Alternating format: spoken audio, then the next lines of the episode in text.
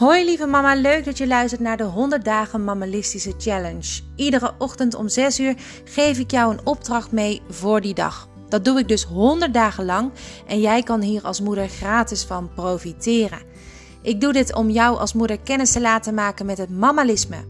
Iedere dag maak je kennis met een klein stukje uit de training die ik voor jou aan het ontwikkelen ben. Hopelijk word jij hier net als ik heel blij van.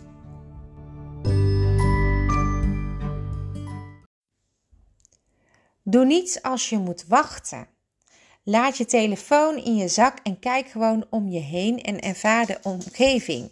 Dat doe je voor twee dingen. Eén, om jezelf eens even wat zekerder te maken op het moment dat je gewoon staat te wachten.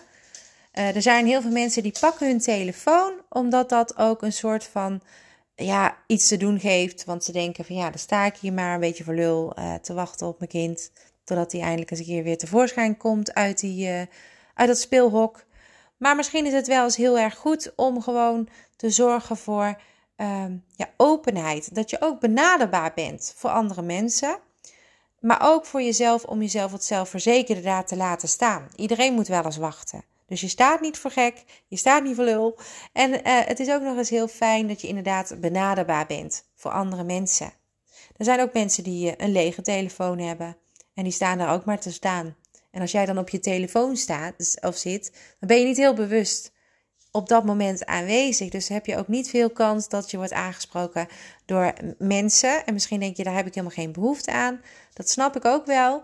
Maar soms is het ook wel weer een fijn tijdverdrijf om dan toch gewoon even die connectie te maken met andere mensen om je heen. Dus vandaag als je staat te wachten ergens in de supermarkt, op een hoekje, op je kind, uh, weet ik veel wat, probeer gewoon te wachten zoals het wachten uh, is. Zonder telefoon, uh, zonder andere afleiding.